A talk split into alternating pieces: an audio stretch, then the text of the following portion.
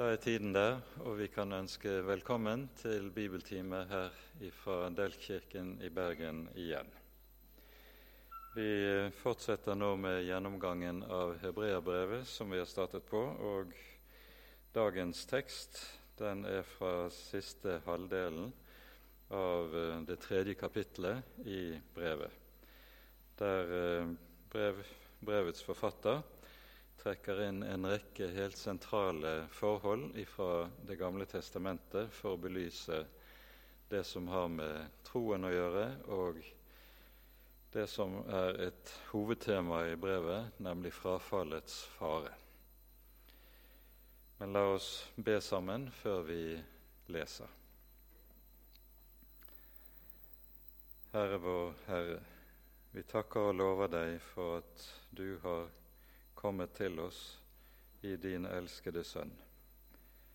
I ham har du gitt oss en fullkommen frelse, og i ham har du gitt oss en åpen vei inn til himmelen, inn til din nåde og inn til ditt Faderhjerte. Takk, Hellige Gud, at din miskunnhet varer ved til evig tid, og at du lar din nåde være ny hver morgen. Nå kommer vi, Herre, til deg og bønnfaller, Herre, om at du vil være hos oss med din Hellige Ånd.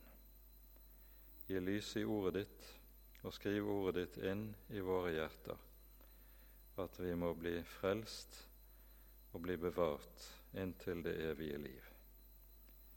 Vi ber i vår Herres Jesu navn. Amen.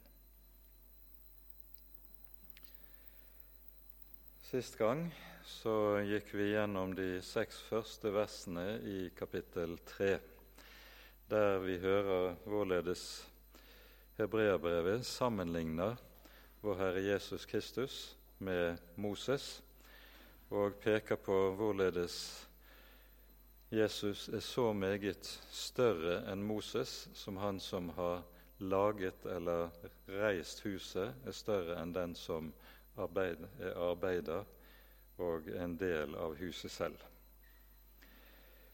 Denne sammenligningen mellom Moses og Jesus den har sin bakgrunn i eh, løftet som gis i 5. Moseboks 18. kapittel, der Herren lover Israel at en dag skal han reise opp en profet like som Moses, sies det. Og dette like som det peker på det helt grunnleggende forholdet mellom Kristus og Moses, som har det med seg at like som Moses var den ved hvem Gud stiftet pakt med sitt folk, så er vår Herre Jesus også den ved hvem Gud stifter pakt. Og Forskjellen mellom dem er som forskjellen mellom den gamle pakt og den nye pakt. Og der den nye pakt har så meget større herlighet enn den gamle pakt, som evangeliet har større herlighet enn loven. Det innebærer at det avsnittet som vi møter i de seks første versene i kapittel tre, det henger på det nærmeste sammen med det Paulus skriver i 2. Korinterbrev i det tredje kapittel, der han også drar en sammenligning mellom og en parallell imellom den gamle og den nye pakt. Og sammenfatter det hele i disse kjente ordene bokstaven slår i hjel, men ånden gjør levende.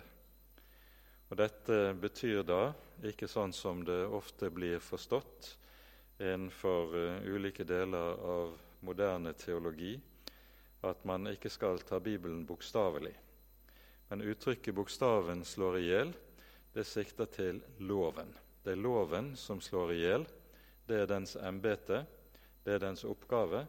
Mens Ånden gjør levende, som sikter til evangeliet, som er det som kan gjøre et menneske levende, kan gi liv, gi evig liv. Når loven kalles for bokstaven, henger det sammen med det vi leser i kapittel 3, nemlig hvorledes Gud skrev eh, lovens ti bud på to steintavler med bokstaver med sin egen finger. Dette understrekes hele tre ganger i annen Mosebok, at lovens tavler ble skrevet med Guds finger. For øvrig det, kan det være viktig å være oppmerksom på at dette at Gud med sin finger skriver og gir det han har skrevet til sitt folk, det er det som er begynnelsen på det som i egentlig forstand heter Hellig Skrift.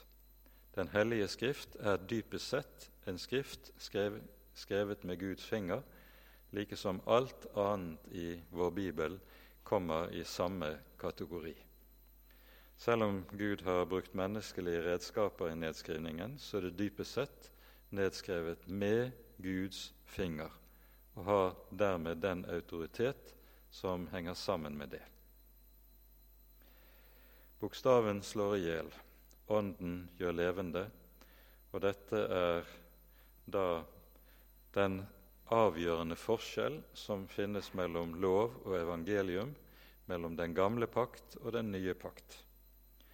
Og så er det da at vi i hebreerbrevet møter denne sammenligningen mellom og parallellføringen av Moses og Jesus. Uten at vi har tid til å gå nærmere inn på det, så må vi også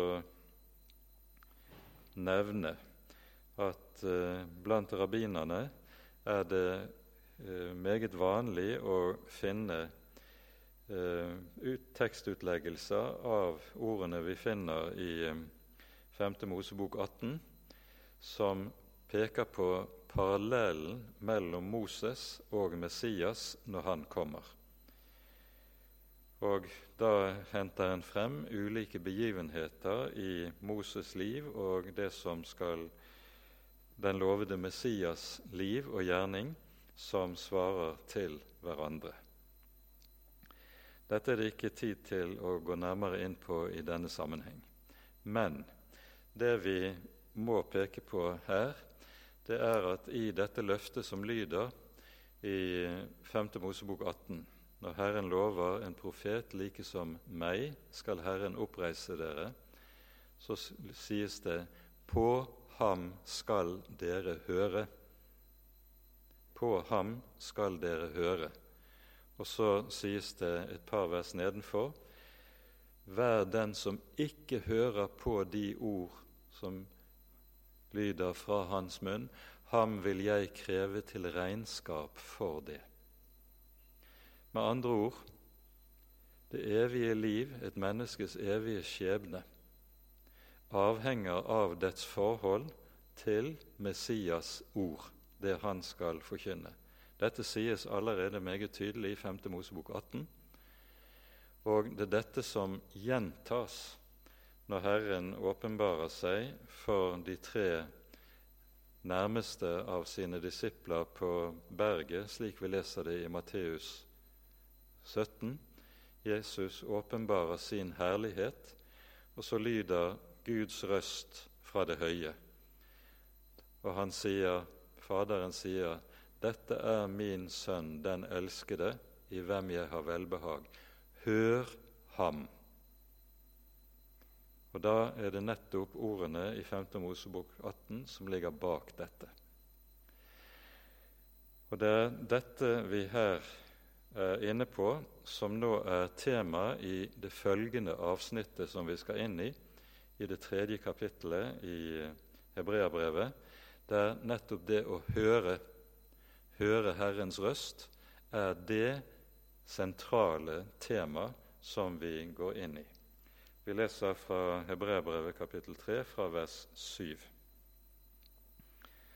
Derfor, som Den hellige ånd sier, i dag, om dere hører Hans røst, da forherd ikke deres hjerter, som ved forbitrelsen på fristelsesdagen i ørkenen, der deres fedre fristet meg ved å sette meg på prøve enda de så mine gjerninger i 40 år. Derfor ble jeg harm på denne slekt og sa:" Alltid farer de vill i sitt hjerte. de kjenner ikke mine veier. Så sverget jeg i min vrede, nei, aldri skal de komme inn til min hvile. Se til, brødre, at det ikke hos noen av dere er et ondt og vantro hjerte, så han faller fra den levende Gud. Men forman hverandre hver dag, så lenge det heter i dag, for at ikke noen av dere skal forherdes ved syndens svik. For vi har fått del med Kristus, så sant vi inntil enden holder fast ved den første fulle visshet. Når det blir sagt i dag, om dere hører Hans røst, da forherd ikke deres hjerte som ved forbitrelsen. Hvem var det da som hørte, men likevel forbitret ham? Var det ikke alle de som dro ut av Egypt, ledet av Moses? Og hvem var det han var harm på i 40 år? Var det ikke på dem som hadde syndet så deres kropper falt i ørkenen? Og om hvem var det han sverget at de ikke skulle komme inn til hans hvile? Var det ikke om dem som ikke hadde villet tro? Så ser vi da at det var på grunn av vantro de ikke kunne komme inn. Amen. Dette avsnittet begynner med, igjen med ordet 'derfor'.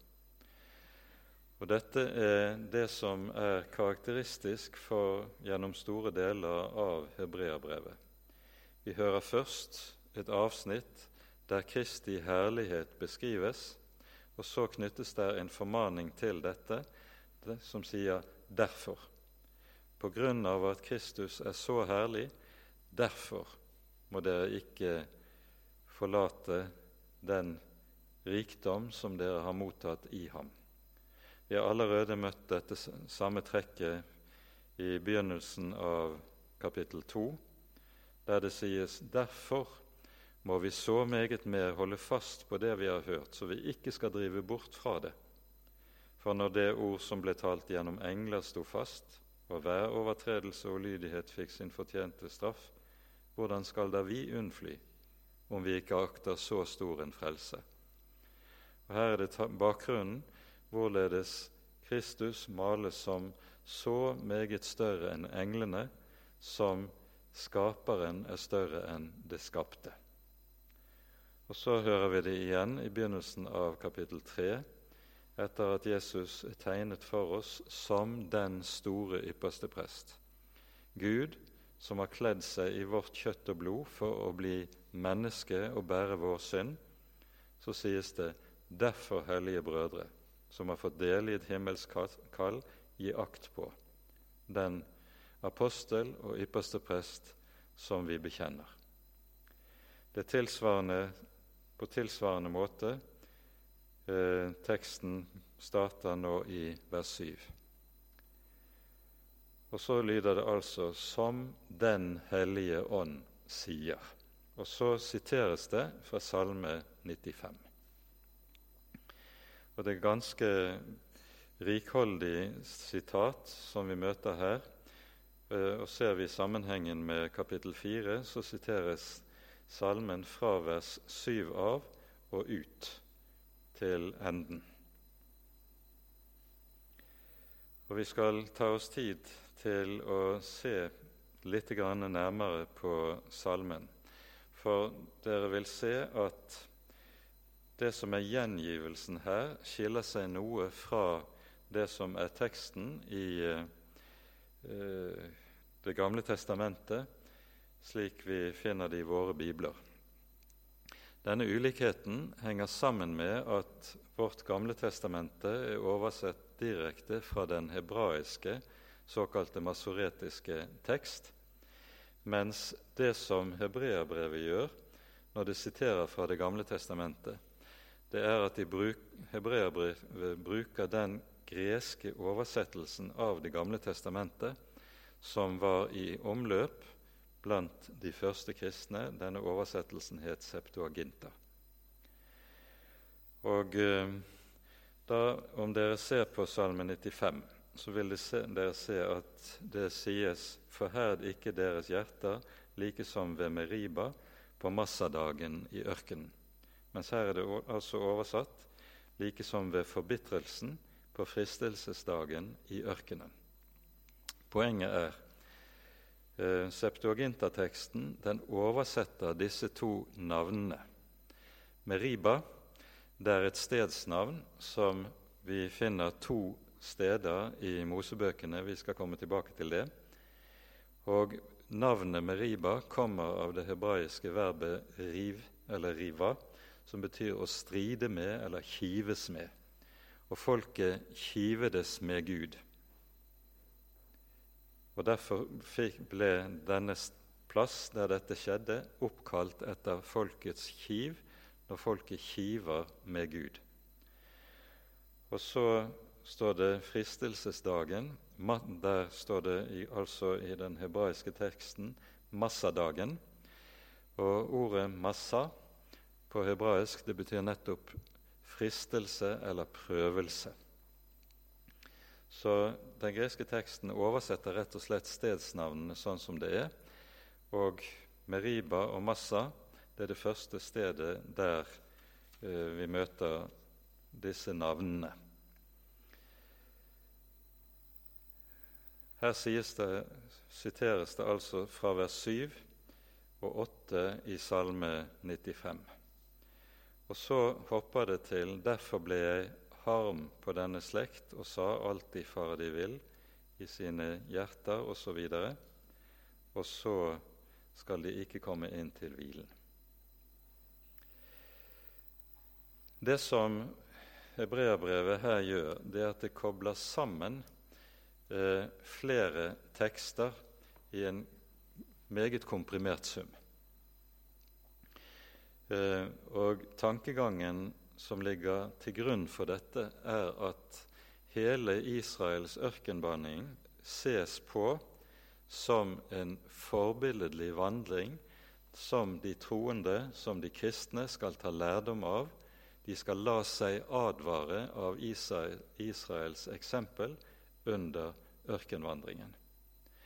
For det siste vi hører her, når Gud sverger at de ikke skal komme inn til hvilen, det er jo noe som først skjer lenge efter det som skjedde ved Massa og Meriba, nemlig når folket har nådd grensen til det lovede land, slik som vi leser om det fjerde Mosebok kapittel 14, og ikke vil gå inn i landet fordi de frykter for uh, den kamp som ligger foran. De mener at de fiender som de står overfor blant kananittene, er så mektige at folket ikke vil høre på Guds løfte, og derfor avviser å dra inn i landet. Og Da er det Herren altså sier til folket, ja vel, dere skal få det som dere vil. Dere skal ikke komme inn i landet, dere skal dø i ødemarken. Og Så er konsekvensen altså at Israel ble værende ute i ørkenen i 40 år i forlengelsen av dette, inntil hele den generasjon som var voksne da de gikk ut av Egypt, er døde, og så er det bare deres barn som får oppleve å komme inn i det lovede land. Så det vi ser her, er at hebreerbrevets forfatter knytter sammen en hel rekke ulike begivenheter under ørkenvandringen, og bruker dem til som advarende eksempler for de troende. Og Her gjør altså hebreerbrevet det samme som Paulus gjør i 1. Korinterbrev i det tiende kapittel. Og vi skal ta oss tid til å se også på dette avsnittet i 1. Korinterbrev kapittel 10, der Paulus går noe mer detaljert inn på de ulike begivenheter under ørkenvandringen enn vi hører her i Hebreabrevet. Vi leser fra 1. Korinterbrev 10, fra vers 1. Jeg vil ikke, brødre, at dere skal være uvitende om at våre fedre var alle sammen under skyen og gikk alle gjennom havet. Alle ble døpt til Moses i skyen og i havet. De åt alle den samme åndelige mat, og de drakk alle den samme åndelige drikk. For de drakk av den åndelige klippe som fulgte dem, og klippen var Kristus. Likevel fant Gud ikke behag i de fleste av dem, for de ble slått ned i ørkenen. Men disse ting hendte som forbilder for oss, for at vi ikke skal ha lyst til det onde slik de hadde lyst til det. Heller ikke må dere bli avgudsdyrkere slik noen av dem var, som det er skrevet, folket satte seg ned for å ete og drikke og stå opp for å leke. Her vises det til synden med gullkalven i 2. Mosebok 32. Heller ikke må vi drive hor, slik noen av dem drev hor, og på en dag falt 23 000. Her vises det til 4. Mosebok 25 der Israel faller i avgudsdyrkelse med moabittenes avguder, og som kalles for Baal peor. La oss heller ikke friste Kristus, slik noen av dem gjorde, og bli ødelagt av slanger. Her vises det til 4. Mosebok 21, der vi hører om, også om frelsen ved kobberslangen fra den Guds dom som slangene var over folkets ulydighet. Knurr heller ikke, slik noen av dem knurret og ble drept av ødeleggeren. Dette kan sikte til flere begivenheter under ørkenvandringen, men sannsynligvis er det noe av det som først og fremst er, er i tanke her. Det er Koras opprør mot Moses og Arons autoritet, slik vi hører om det i 4. Mosebok kapittel 16. Ehm, I våre dager kan det kanskje være av betydning å være klar over hva dette opprøret mot Moses og Arons autoritet i, innebærer og handler om. Det er Kora og Datan som samler en flokk på 250 levitter og noen, også noen prester. De samler seg mot Moses og Aron og sier til dem:" Nå får det være nok. Hvor lenge vil dere opphøye dere over Herrens menighet? Er vi ikke alle hellige? Er vi ikke alle prester? De, det som de begrunner eh, sitt ønske om å avsette Mo, Moses og Aron fra sitt embete med, det er altså ved å henvise til det vi kaller for det allmenne prestedømmet. De mener at Guds folk skal ledes via en slags demokratisk ordning det allmenne, gjennom det allmenne prestedømmet, og ikke gjennom de Gud har utpekt til å være folkets hyrder og ledere. Dette minner meget om tils, noe tilsvarende tankegang som stadig gjør seg gjeldende i våre dager. Vi gjør bare oppmerksom på det i denne sammenheng.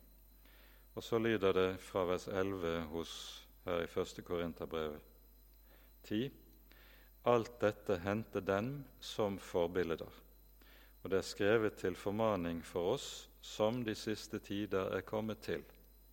Derfor, den som mener seg å stå, se til at han ikke faller. Og det er nettopp det som også er tema her i kapittel 3 i Hebreabrevet, som vi nå er inne i. Den som mener seg å stå, se til at han ikke faller. Det er en advarsel mot åndelig selvsikkerhet og åndelig selvgodhet som mener seg eh, så å si usårlig og uangripelig for fall og fristelser, og derfor eh, ikke tar seg i akt. Her er det altså at Israels eksempel hentes frem. Når Paulus gjør slik som vi har lest det, og viser til at hele folket fikk oppleve utgangen av Egypt Hele folket gikk gjennom Det røde hav, som er bildet på dåpen. Hele folket fikk del i den åndelige mat, som er bildet på nadværen. Så er dette bildet på den kristne menighet. Her er det tale om mennesker som er frelst, som er døpt, som samles om Herrens bord og deler den hellige nadvær, og som likevel altså står i fare for å komme på fall. Den som står, se til at han ikke faller. Det er advarselen. Advarsel mot åndelig selvsikkerhet og åndelig selvgodhet. Det er den samme advarsel som altså lyder til oss i Hebreabrevet. Så skriver Paulus at folket fulgte den åndelige klippe som ledsaget dem på veien, og denne åndelige klippe var Kristus. Og Det det da vises til, det er det vi hører i 2. Mosebok i det 17. kapittel.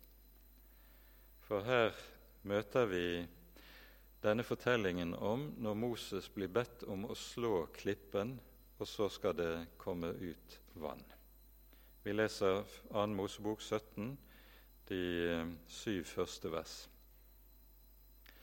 Så dro hele Israels barns menighet ut fra ørkenen Skinn i dagsreiser etter Herrens befaling. De slo leir i Refedim. Der hadde folket ikke vann å drikke. Derfor trettet folket med Moses og sa, Gi oss vann, så vi får drikke. Moses svarte dem, Hvorfor tretter dere med meg? Hvorfor frister dere Herren?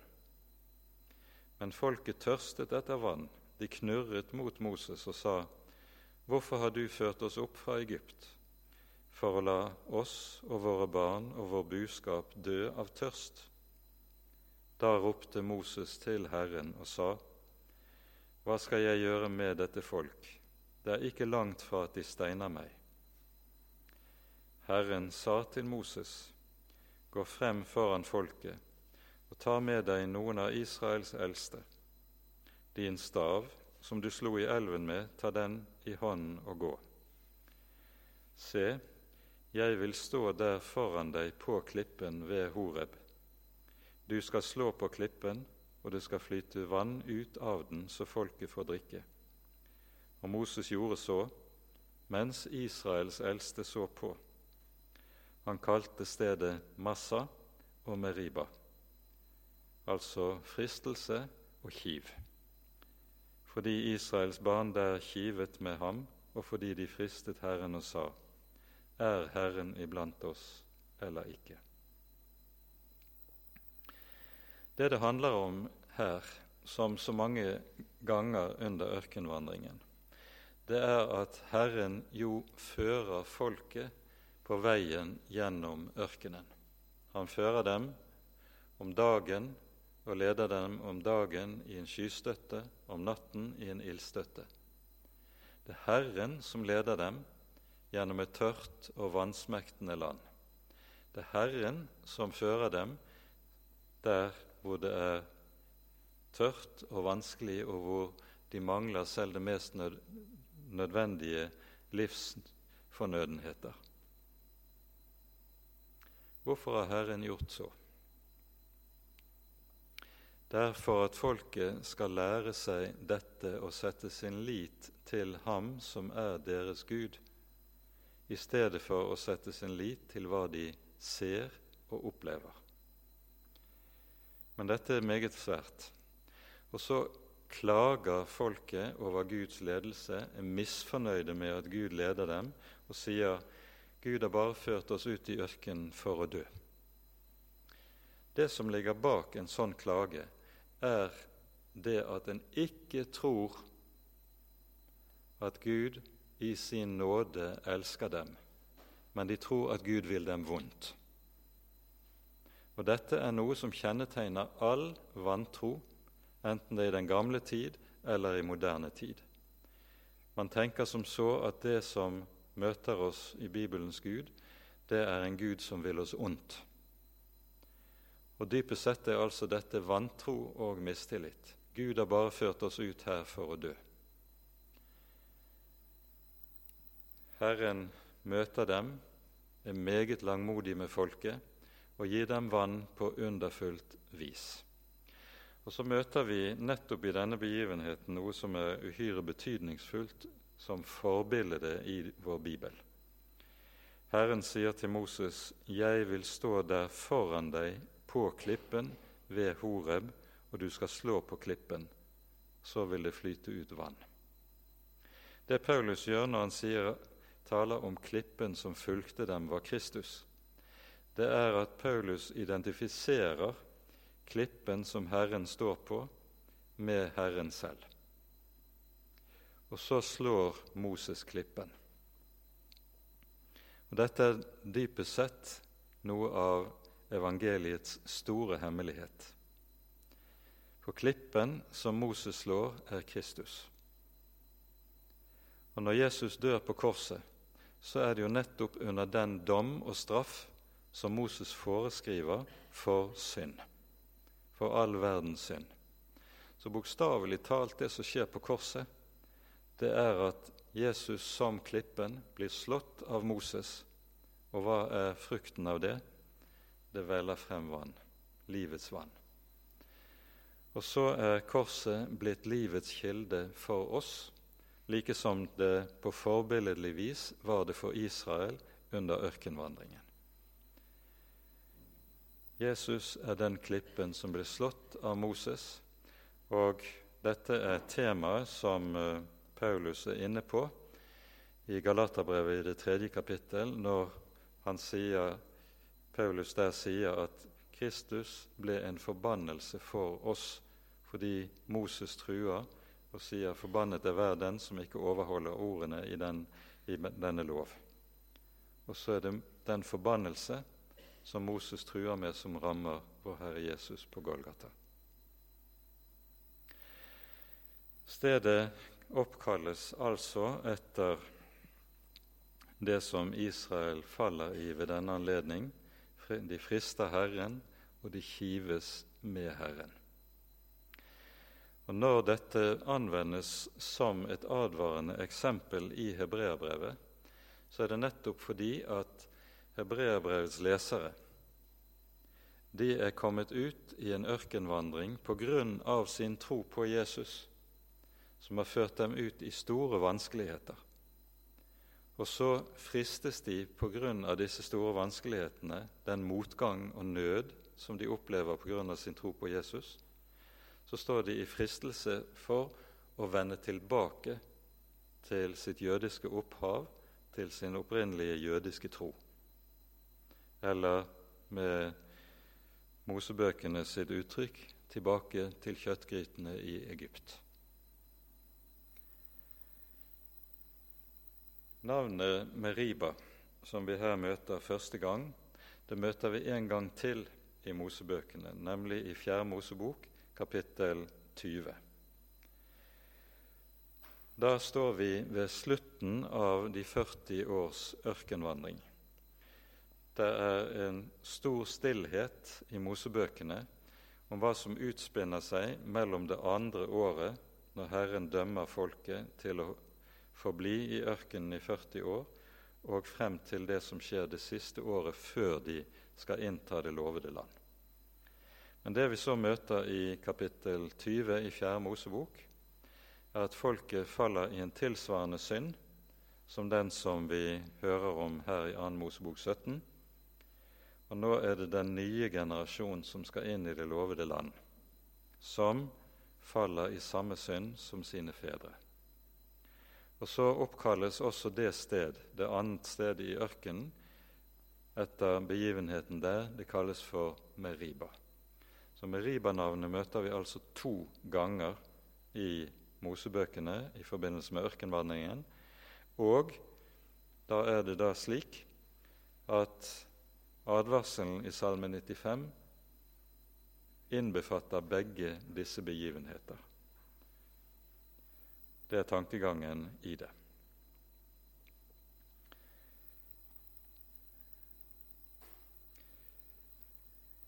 Et par ting må legges til her når det gjelder Israels ørkenvandring. Det er det at under ørkenvandringen, selv om folket må oppleve den dom som de må, med at de ikke får komme inn i det lovede land, så opplever de likevel at Herren bærer dem, sørger for dem gjennom hele denne 40-årige perioden som de vandrer i ørkenen. Og Dette understrekes for oss når Moses taler til folket og ser tilbake på ørkenvandringen, slik vi hører det i 5. Moseboks første kapittel.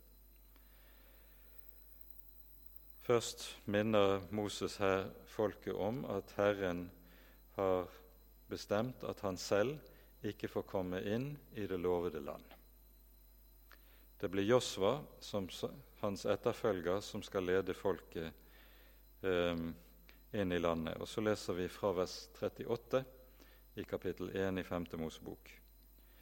Josva, Nuns sønn, som går deg til hånde, skal kom, komme inn i landet. Sett mot i ham, for ham skal skifte landet ut til arv blant Israel. Og deres barn, som dere sa ville bli til krigsbytte, deres sønner som enda ikke kan skille godt fra ondt, de skal komme dit inn. Dem vil jeg gi landet i eie. Og så er det altså sånn at folket må snu og ut i ødemarken. Men de opplever at Herren likevel tar seg av dem i ørkenmannen så står det slik at Herren gikk foran dem og bar dem slik en far eller en mann bærer sin sønn. Slik bar Herren dem under hele ørkenvandringen, selv under de 40 år. De får manna å ete og mangler altså ikke mat. De får vann og drikke, Herren, sørger for vannforsyningen. De farer ikke vill i ørkenen, for Herren går foran dem, dag efter dag og natt etter natt i skystøtten og i ildstøtten. Og så repeteres dette i kapittel 29 i 5. Mosebok, der Herren minner folket og sier slik. Moses kalte hele Israel til seg og sa til dem:" dere har sett alt det Herren gjorde for deres øyne i landet Egypt, med farao og alle hans tjenere og hele hans land. De store plager som du så for dine øyne, de store tegn og under. Men like til denne dag har Herren ikke gitt dere hjerte til å forstå eller øyne til å se eller ører til å høre med. Jeg lot dere vandre 40 år i ørkenen deres klær ble ikke utslitt, skoen på deres fot ikke utslitt. Dere fikk ikke brød å ete eller vin eller sterkt å drikke, for at dere skulle kjenne at jeg er Herren deres Gud. Og så minner Moses om hvorledes Herren har ført dem og sørget for dem. Dette er det hebreerbrevets forfatter også minner om. At selv om folket nå billedlig talt er kommet ut i en ørken der de må oppleve mye nød, så står det i Hebreerne 3, vers 9.: De frist, Deres fedre fristet meg ved å sette meg på prøve, enda de så mine gjerninger i 40 år. Under hele ørkenvandringen fikk folket se Guds gjerning, oppleve Guds trofasthet, at han holdt dem oppe og bar dem, om det var aldri så vanskelig under ørken, ørkenvandringen. Han bar dem like fullt. Det er så å si summen av det hele. Men så vender han tilbake til den begivenheten som ble så å si vendepunktet når Herren sier denne, hele dette slektledd skal komme til å dø i ødemarken.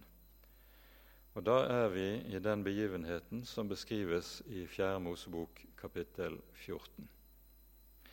Folket har nå bak seg to år i ørkenen. De oppholdt seg mer enn ett år ved Sinai eh, fordi folket hadde fått befaling om hvorledes tabernaklet skulle reises og innredes, og det trengtes en god del tid på å eh, reise tabernaklet og komme i stand med gudstjenesten der.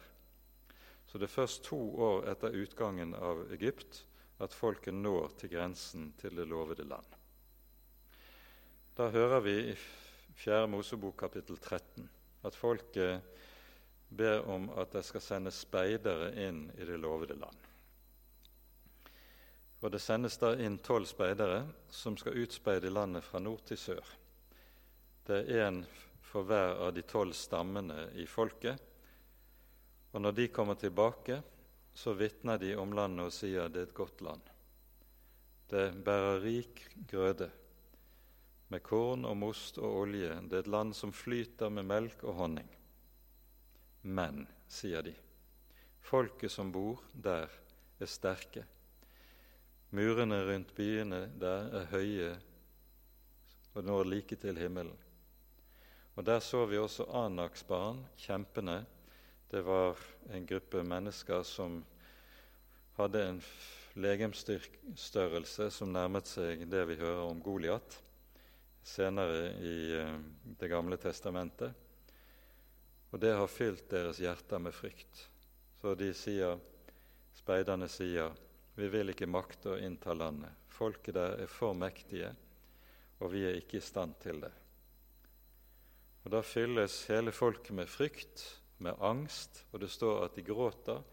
Og på ny lyder det Gud har bare ført oss ut i ødemarken for å dø der.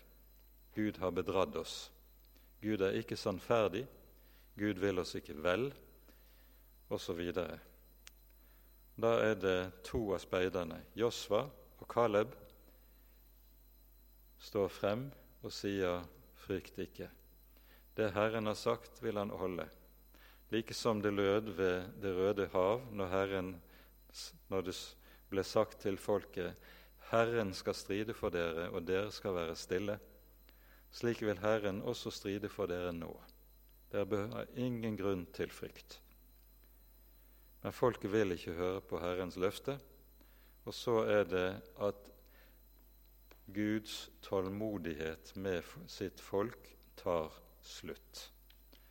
Og Dette er den generasjonens store tragedie, slik vi hører om det i 4. Mosebok, kapittel 14.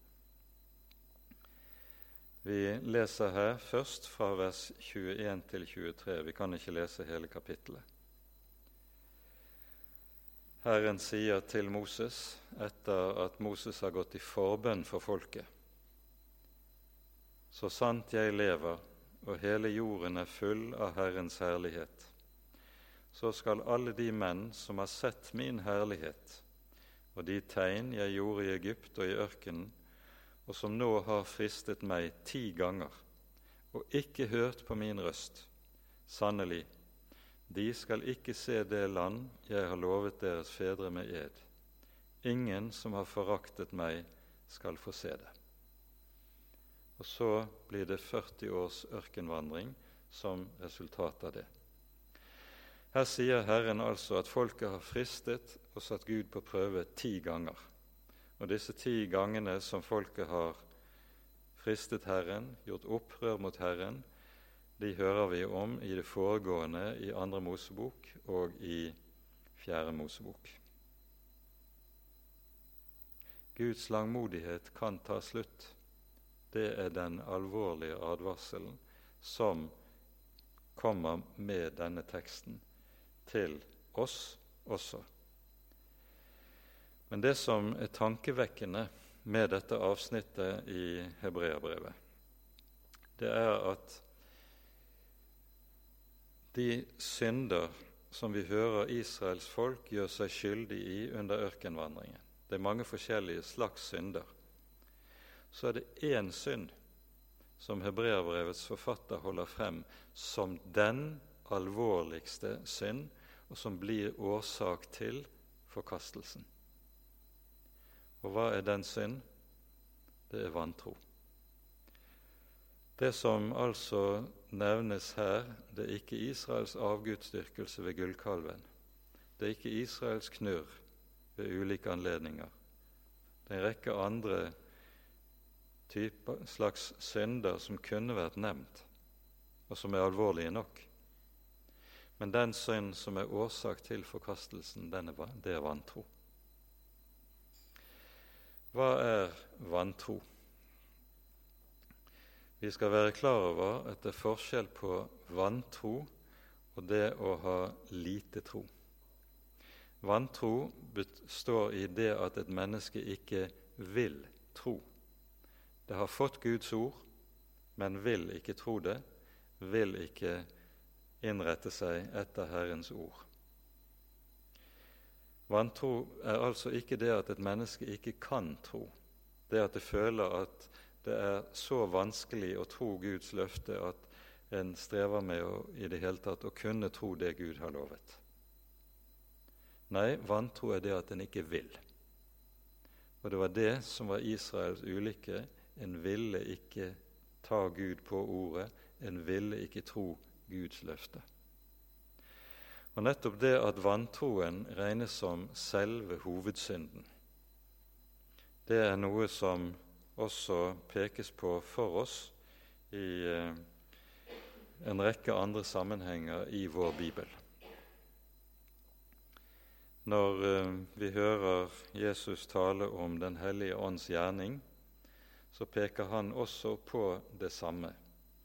Når Han kommer, sannhetens ånd, sier Jesus i Johannes 16, skal Han overbevise verden om synd og rettferdighet og dom om synd fordi de ikke tror på meg. Det er selve grunnsynden som ligger bak all annen synd. Det er synden mot det første bud det handler om i dette. Og det er denne synden også som eh, det settes ord på i 1. Johannes brev, når eh, Johannes i det femte kapittel taler om Guds vitnesbyrd om sin sønn. Her sies det følgende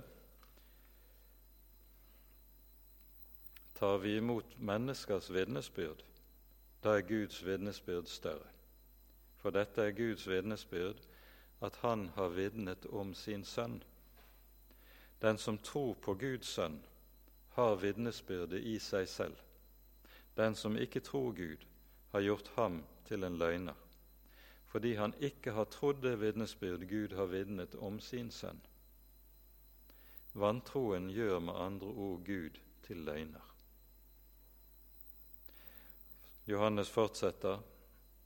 Dette er vitnesbyrdet, at Gud har gitt oss evig liv, og dette liv er i Hans Sønn. Den som har Sønnen, har livet. Den som ikke har Guds sønn, har ikke livet. Det er altså dette som er tema i dette avsnittet her i Hebreabrevet.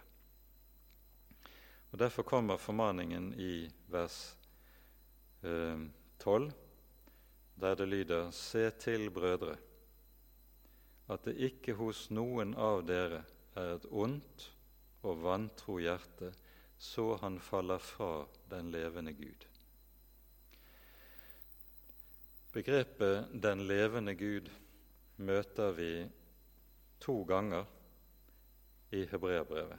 Første gang er her, andre gang er i kapittel 10, der det på ny advares mot vantroens og frafallets fare, og der det sies det er forferdelig å falle i den levende Guds hender. Når uttrykket 'den levende Gud' brukes, så er det for å peke på at Gud ikke er en som sitter som en passiv tilskuer som knapt er interessert i hva mennesker gjør, foretar seg, tenker og tror. Men det innebærer at han er levende engasjert i hvert enkelt menneskes liv. Og Derfor vil det være sånn også at det et menneske gjør, og slik et menneske innretter seg, det er noe den levende Gud også tar del i. Et vantro hjerte det er altså det som i denne sammenheng kalles for et ondt hjerte. For disse to ordene blir i denne sammenheng ord som belyser hverandre og gir hverandre meningsinnhold. Og Så kommer fortsettelsen forman hverandre hver dag så lenge det heter i dag, for at ikke noen av dere skal forherdes ved syndens svik. Ordet som er oversatt med 'å formane', det burde vel både her og i en rekke andre sammenhenger oversettes med ordet 'oppmuntre'. For Her handler det om at de troende skal oppmuntre hverandre på troens vei når det blir vanskelig, når en møter motgang og trengsel, ganske særlig for Jesu navns skyld og på grunn av sin vitnesbyrd om Herren Jesus.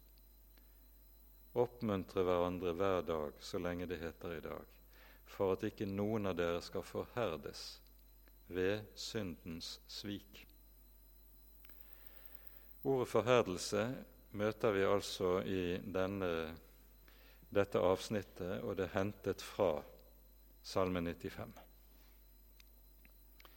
Og Det peker på at der synden får makt i et menneskes hjerte, der vil, menneskets hjerte bli stadig hårdere og mer upåvirkelig for Herren og Hans ord og Hans røst. Hjertesynden er noe som gjør menneskehjertene harde. Det er også en viktig sannhet i vår bibel. Og så lyder det i vers 14.: For vi har fått del med Kristus så sant vi inntil enden holder fast ved den første fulle visshet. Brorson synger 'Begynt er ikke endt, det merk i tide'.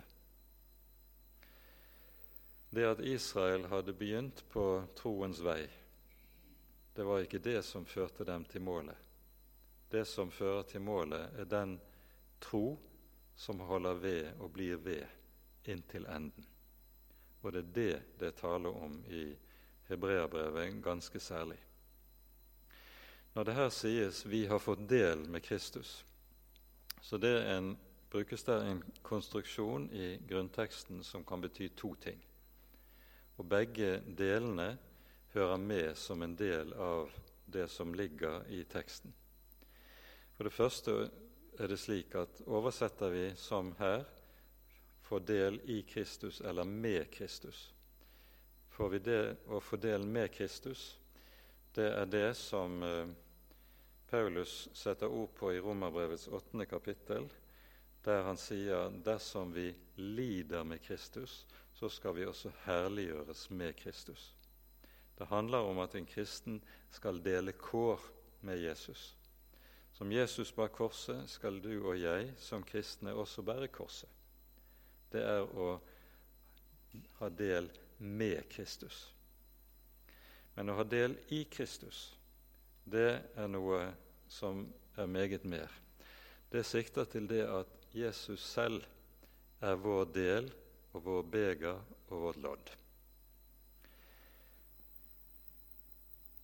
Dette er en sannhet som møter oss en rekke steder i vår bibel. Første gang vi møter det, er i Guds løfte til Abraham i Første Mosebok kapittel 15, der Herren sier til Abraham i det første verset Frykt ikke, Abraham. Jeg er ditt skjold og din meget store lønn. I våre bibler er det oversatt 'Jeg er ditt skjold, og din lønn skal være meget stor'. Men det skal egentlig oversettes 'Jeg er din meget store lønn'. Det er Herren selv som er Abrahams del og Abrahams lodd og arv. Og Det er denne tankegang vi møter også i Salmenes bok, der David f.eks. i Salme 16 sier Herren er min del og mitt beger. Han gjør min lodd herlig. Eh, og samme tankegang også i Salme 73. Bildet gammeltestamentlig som ligger bak dette, er anskueliggjort for oss gjennom det som er Levi stammes særlige lodd i Israel når Israel skal innta det lovede land. Da er det jo slik at alle stammene får tildelt hver sitt område i landet, som er deres særlige eiendom, deres lodd. Men Levi stamme får ingen del og ingen lodd i landet. Årsaken til det er Jakobs forbannelse over Levi stamme, som vi hører i 1. Mosebok 49. Men denne forbannelsen snus til en velsignelse for folket. For Levis stamme blir den stammen som får det privilegium å bli stammen som gjør tjeneste i Herrens helligdom, og det er fra Levis stamme prestene kommer. Og så sies det i 4. Mosebok kapittel 18 til Levis stamme du skal ingen lodd og del ha i landet. Jeg, Herren, vil være din del og din lodd. De får altså en usigelig gave med at Herren selv vil være deres del i livet. Og Det er dette som ligger i uttrykket som vi har lest her i Hebreerne kapittel 3. Vi har fått del i Kristus. Det er Jesus selv som er vår del. Det er Han som er vår rikdom. Han er vårt liv. Han er vårt lys. Han er vår rettferdighet. Han er vår visdom. Han er vårt alt. Og det er det som det pekes på i denne sammenheng. Så hører vi de siste versene i kapittel 3 repeterer eh, fra, vers, fra Salme 95 og stiller spørsmålet hvem var det som opplevde alle disse Guds velsignelser? Jo, det var Israels folk, men de ble ikke ved. De holdt ikke fast, står det, ved den første fulle visshet. Den første fulle visshet, hva er det? Det er Jesus selv. Det er det vi eier i Jesus og med troen på ham. Det er et særegent uttrykk som anvendes i grunnteksten, og som dukker opp igjen i det ellevte kapittelet, i, der det sies tro er full visshet om det som håpes. Det er denne visshet om hva vi eier i Jesus, som er det bærende i troen. Og grunntekstens ord henger sammen med at eh, det peker på at det er noe som du har under føttene, og som du står på, og som er en sikker grunnvoll. Det er et par språk i verden som ikke har noe eget begrep for tro, slik som vi finner det i Bibelen. Og Det fortelles om en bibeloversetter som strevet med oversettelsen til et slikt språk for en hundre år tilbake. Og Så kommer en av hans medarbeidere inn og er sliten etter dagens arbeid, kaster seg ned i en stol og kommer frem, eh, sier et ord som betyr 'Nå hviler jeg her med hele min tyngde'. Det ble det ordet som kom til å bli oversettelse for begrepet tro i Bibelen.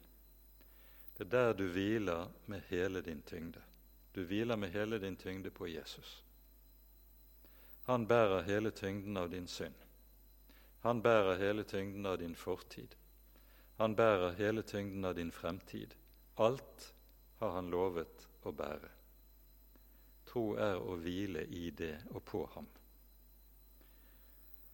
Og Så er det altså at troen på denne måten holdes frem som det avgjørende å bli fast, holde fast ved det. Like som det sies i vers 19, så ser vi da at det var av vantro. de ikke kunne komme inn. Ørkenvandringen for Israels folk det er bildet på de troendes vandring gjennom verden her som vi lever. Og det lovede land som lå foran, det er bildet på den himmel, den evighet, det evige liv som er lovet oss, og som ligger foran oss. Dette som hvilen i det lovede land da avbilder for oss, det er tema i neste kapittel, i det fjerde kapittel i Hebreabrevet. Det skal vi ta for oss neste gang. Men før vi setter punktum, så vender vi oss til Salme 95 og leser denne salmen i sammenheng. Salmen begynner som en lovprisning der Gud lovprises både som skaper og frelser. Merk det, begge deler. Både skaper og frelser. Kom, la oss juble for Herren. La oss rope med fryd for vår frelses klippe. La oss tre frem for Hans åsyn med pris. La oss juble for ham med salmer. For Herren er en stor Gud, en stor konge over alle guder. Han har jordens dyp i sin hånd, og fjelltoppene hører ham til. Han er den som eier havet, for han har skapt det. Det tørre land har hans hender formet. Kom, la oss tilbe og bøye kne. La oss knele for Herren, vår skaper. For han er vår Gud, og vi er det folk han før, den jord hans hånd leder og om dere i dag ville høre Hans røst. For herd ikke deres hjerte slik, lik, slik som ved Meriba, slik som på massadagen i ørkenen. Der fristet deres fedre meg. De satte meg på prøve, enda de hadde sett min gjerning. I 40 år hadde jeg avsky for denne ett og sa:" De er et folk som farer vill i sitt hjerte de kjenner ikke mine veier. Så sverget jeg i min vrede, sannelig, de skal ikke komme inn til min hvile. To steder i Salmenes bok hører du Gud sukke, bokstavelig talt sukke. Det er her i Salme 95 og likeledes i Salme 81. Og Begge stedene der Gud sukker, der er det et sukk som handler om Guds sorg over at hans folk ikke hører hans røst. Og om dere i dag ville høre min røst.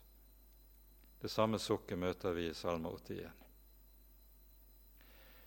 Bildet som ligger bak dette, det er jo det som sies i samme verset. Der det sies 'Han er vår Gud', og det folk han før, den jord hans hånd leder.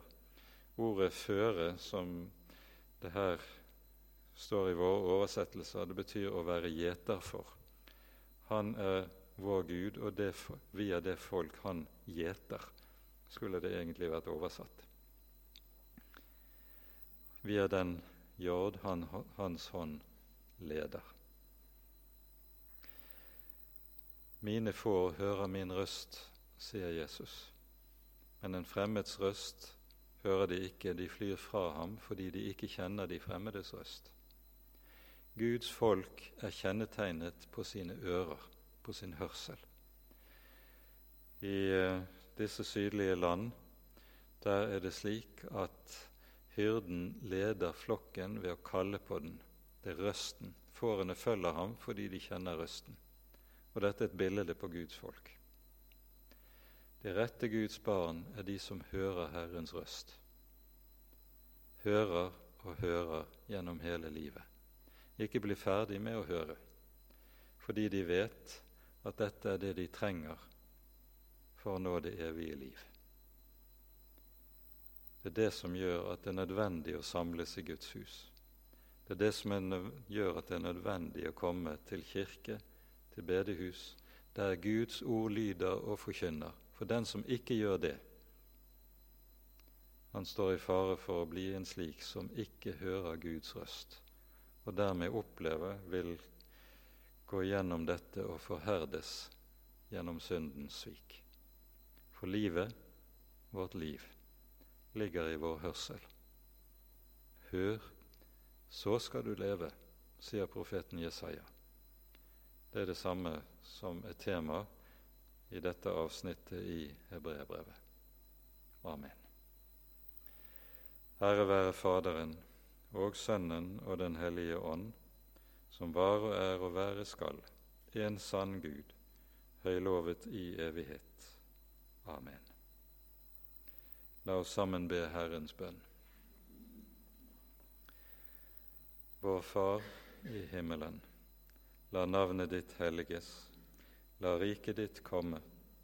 La viljen din skje på jorden slik som i himmelen. Gi oss i dag vårt daglige brød, og tilgi oss vår skyld, slik også vi tilgir våre skyldnere. Og la oss ikke komme i fristelse, men frels oss fra det onde. For riket er ditt, og makten og æren i evighet. Amen. Ta så imot Herrens velsignelse. Herren velsigne deg og bevare deg. Herren la sitt ansikt lyse over deg og være deg nådig. Herren løfte sitt åsyn på deg og gi deg fred. Amen. Med det sier vi takk for i kveld. Vel hjem til alle sammen, og velkommen tilbake om to uker.